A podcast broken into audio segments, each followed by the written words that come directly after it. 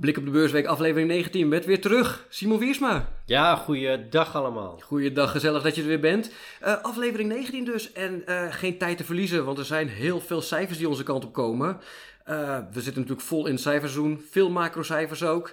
Maar om te beginnen Simon, we zijn nu een weekje onderweg in het cijferseizoen. Zijn de eerste contouren zichtbaar? Ja, ik denk het wel. Ik denk dat het uh, belangrijk is om uh, te constateren dat uh, nou ja, afgelopen vrijdag ehm, het kwartaalcijferseizoen echt van start is gegaan met de publicatie van kwartaalcijfers van een aantal grote Amerikaanse banken, waaronder de JP Morgan, Morgan Stanley. en wat we zien over het algemeen is dat niet alleen die banken toch wat gemiddeld genomen beter dan verwachte winstcijfers laten zien dan analisten hadden voorspeld of misschien wel gevreesd, um, maar dat ook geldt voor uh, bedrijven buiten de uh, financiële sector. Als we kijken nu naar de, is het 62 bedrijven uit de S&P 500-index die tot nu toe met kwartaalcijfers zijn gekomen, dan zien we dat uh, 79% daarvan beter dan verwachte winstcijfers heeft laten zien. Um, en dat we zien dat de winstgroei gemiddeld uitkwam ten opzichte van het eerste kwartaal van vorig jaar met ruim 2,2%. En dat is tot nu toe het is natuurlijk nog vroeg in het kwartaalcijferseizoen, maar wel ruim boven de min 5%, oftewel de winstdaling, uh, die werd verwacht door analisten. Nogmaals, hè, het is vroeg in het seizoen. Maar als we kijken nu naar de start, dan is die wel historisch gezien heel erg sterk. Dat geeft de beleggende burger moed. Is het dan zo, ja, toch een beetje speculeren alvast, dat de verwachting, de prognose, was die dan zo aan de lage kant? Of? Ja, ik denk toch dat er een beetje um, je vrees of angst in is geslopen bij analisten. Misschien ook mede wel door wat we in maart zagen in Amerika, waarbij een aantal regionale banken in problemen zijn gekomen en om zijn gevallen. Uh, dat heeft er toch toe geleid, eigenlijk samen al met een, een, ja, een soort van negatieve sfeer die er hangt bij analisten, commentatoren, commentatoren, economen over de situatie van de Amerikaanse economie, dat ze wat voorzichtiger zijn geworden. Terwijl ik aan de andere kant, als je kijkt naar puur wat er feitelijk aan, uh, aan cijfers is gepubliceerd vanaf begin van dit jaar op macrogebied, ja, dan zien we eigenlijk dat um, ja, er weinig reden is tot zorg. Um, dus aan de andere kant uh, verbaast het me ook weer niet dat die, uh, dat die cijfers weer wat beter zijn dan verwacht. Ik heb het je vaker horen zeggen inderdaad in de podcast hier inderdaad. Het mag allemaal wel wat minder doemdenkend, om zo maar te zeggen. En ja, je lijkt daarin gelijk te krijgen vooralsnog, dus uh, helemaal goed. Laten we het brugje maken naar de macrocijfers, toch? De agenda, want die is overvol. Ja. Te beginnen met de vrijdag. Ja, ik denk dat um, uh, vandaag, uh, als we de agenda erbij pakken, en dat doe ik dan even hier op mijn scherm, um, de aandacht van, van beleggers vooral uit zal gaan um, naar voorlopige inkoopmanagers indices van een aantal eurolanden.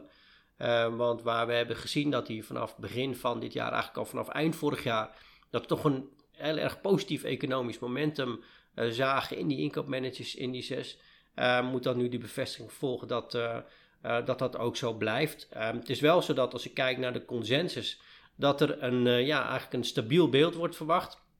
Ehm, met een onderliggend toch een aantrekkende economische groei ook in de eurozone. Dus dat is um, waar we naar kijken vandaag. En we krijgen ook nog inkoopmanagers indices uit het Verenigd Koninkrijk. Um, daar zien we ook per saldo toch wel uh, wat groei. Uh, ook al is die wat lager dan in, uh, in de eurozone naar verwachting. En krijgen we ook vanmiddag nog inkoopmanagers indices van onderzoeksbureau S&P Global um, uit de VS. Dat zijn allemaal voorlopige cijfers. En daar zien we wel dat daar een, ja, een lichte daling van iets van een puntje wordt verwacht van 52,3 naar 51,1. Heeft natuurlijk ook te maken met um, hè, de situatie zoals we die zagen in, uh, waar ik het net al over had, in maart met die regionale banken. Uh, dat het sentiment uh, onder inkoopmanagers indices iets zal zijn afgezwakt. Maar een stand van boven de 50 wijst nog wel op aantrekkende groei. Inderdaad. En dan gaan we over het weekend heen naar de maandag. Ja, dan is het alweer uh, maandag en um, staat er niet veel op uh, de agenda, moet ik zeggen. Maar um, vinden we het um, vooral uh, interessant om te kijken of het ondernemersvertrouwen in Duitsland, en dan heb ik het over de IFO-index, die een belangrijke indicator is, net als de inkoopmanagersindex van dat land, voor wat betreft de, ja, de economische vooruitzichten, hè, hoe bedrijven zich voelen. die komen maandagochtend om, om 10 uur.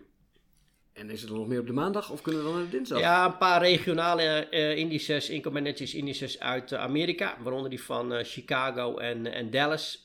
dat zijn geen hele super belangrijke, maar desalniettemin de moeite van het noemen waard. Zeker. Gaan we door naar de dinsdag. En de dinsdag, dan um, zitten we toch een beetje in, het, um, in de Amerikaanse hoek. Want dan um, ja, vanuit Europa niet heel veel macrocijfers. wel heel veel bedrijfscijfers natuurlijk, maar daar komen we zo nog wel even op. Uh, maar dan is het um, Amerikaanse huizenmarktdag uh, in um, uh, met die zin dat we dan kijken naar de ontwikkeling van de huizenprijzen. maar ook kijken naar de verkopen van nieuwe woningen. daarbij krijgen we ook nog de consumentenvertrouwenindex zoals die wordt gemeten door de Conference Board. Er wordt een hele lichte daling van 104.2 naar 104.1 verwacht krijgen we ook nog de Richmond Fed Manufacturing Index, ook een regionale income index. Maar dan hebben we de, ja, de dinsdag wel weer uh, gehad voor wat betreft de macrocijfers. Gauw door naar de woensdag, want de agenda is overvol. Ja, je struikelt er bijna over, Stefan. Maar uh, ja, er is, uh, er is enorm veel aan, aan macro-nieuws. Dus het wordt echt wel een drukke week voor, voor analisten en, en economen. Um, dan, ja, als we kijken in het rijtje van, van macrocijfers, dan zijn echt cijfers over de orders voor duurzame goederen die bij mij in ieder geval bovenaan staan. Want dat is ook een Een belangrijke indicator voor, uh, voor de Amerikaanse economie. De donderdag. Is, donderdag. Er, is de markt open? Het is Koningsdag natuurlijk. Is de beurs open op Damrak? Ja, volgens mij wel. Uh, helaas is het uh, al een tijdje zo dat um, beurshandelaren eigenlijk onevenredig zwaar worden belast. Laat ik het zo maar zeggen. Wij, zijn, wij gaan gewoon door. Arme jongens en meiden van de beurs. arme jongens, maar ik, ik, ik denk dat ik stiekem tussendoor wel eventjes even naar buiten kijken of wat activiteiten buiten doen. Oh. Maar natuurlijk mogen we wel op het scherm houden, hè, want uh, gewoon mobiel zijn we bereikbaar. Natuurlijk. Uh, donderdagochtend um, hebben we al heel vroeg uit uh, China um, cijfers over de industriële, of de winsten van industriebedrijven, beter gezegd, over de maand, maand maart. die een indicatie geven over de groei, met name winstontwikkeling, zoals gezegd, in, in China. maar zal de aandacht vooral uitgaan, smiddags om half drie. Want dan krijgen we een eerste schatting van de groeicijfers over het eerste kwartaal eh, van, eh, van Amerika, dus de groei van de Amerikaanse economie, Q1. Daar wordt een eh, kleine, um, ja, mindere groei verwacht van 2% ten opzichte van de 2,6% in het laatste kwartaal van, van vorig jaar. Ehm, maar goed, dat is wel een eentje om, om zeker in de gaten te houden. Nou, zal donderdag vast nog doorspekt zijn met kwartaalcijfers, maar laten we eerst de vrijdag nog even doen. Ja, de vrijdag, want dan uh, hadden we het net over de Amerikaanse groeicijfers, over het eerste kwartaal. Uh, maar dan komen ook uh, eurolanden aan bod met groeicijfers over het eerste kwartaal van, uit Frankrijk. in combinatie met inflatiecijfers over de maand april, hè, want we gaan ook gewoon door. Um, we krijgen inflatiecijfers uit, uit Spanje en groeicijfers uit Spanje. en datzelfde geldt voor Duitsland. Hè, dus kwartaal, groeicijfers over de economie.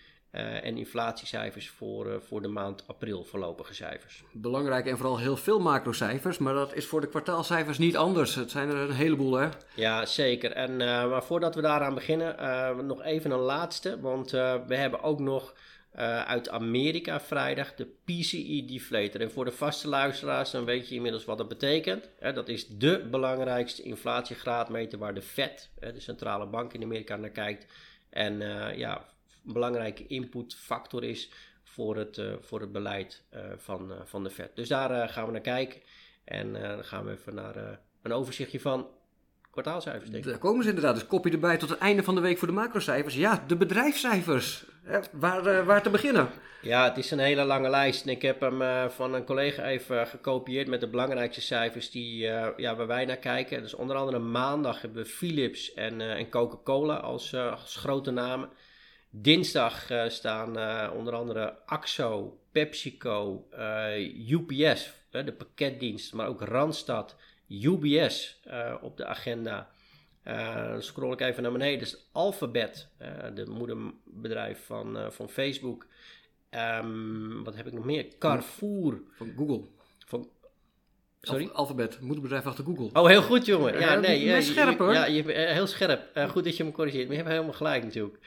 Uh, eh, ASMI krijgen we, of ASM International beter gezegd, Microsoft, uh, Texas Instrument. En uh, ja, dan, dat is echt een hele lange lijst op, op dinsdag. En woensdag. Ja, de woensdag ehm, starten we met ehm, eh, BE Semiconductor, onze eigen ja, eh, in Amsterdam genoteerde semiconductor eh, topper. Ehm, we hebben Iberdrola, dat is een Spaans nutsbedrijf. niet onbelangrijk, zit ook in portefeuilles van onze strategieën. Unibaro Damco, vastgoedbedrijf. dan heb ik Roche, de farmaceut uit, uit Zwitserland. we hebben KPN, we hebben Fopak onder andere. Kijk ik nog even naar um, Amerika, dan zie ik Meta. En Meta Platforms, dat is moedermaatschappij van Facebook. Uh, inderdaad. En, inderdaad. Uh, Instagram, Facebook, Messenger, WhatsApp. Precies. en wat al niet meer. Um, dit hebben we dan. Ja, de donderdag. Traditiegetrouw volgeladen. Ja, donderdag, uh, het houdt uh, inderdaad niet op. Um, dus on onze analisten krijgt echt uh, ontzettend druk deze aankomende week en die week daarna. Maar daar gaan we het volgende week over hebben. maar voor donderdag hebben we onder andere um, Caterpillar, de machinebouwer.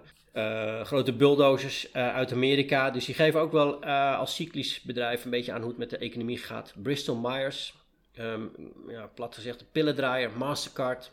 Um, we hebben STM Microelectronics uit Frankrijk, uh, een uh, semiconductorbedrijf. Sanofi, Unilever, uh, niet te vergeten. Nou ja, en dan hebben we ook nog Intel, Amazon in Amerika, die nabeurscijfers zullen publiceren op de donderdag. Nou, en is er dan nog wat puff op de vrijdag over voor een laatste plukje cijfers? Uh, voor vrijdag hebben we nog wat uit weten te persen. Um, krijgen we cijfers van onder andere een Mercedes-Benz groep uit uh, Duitsland.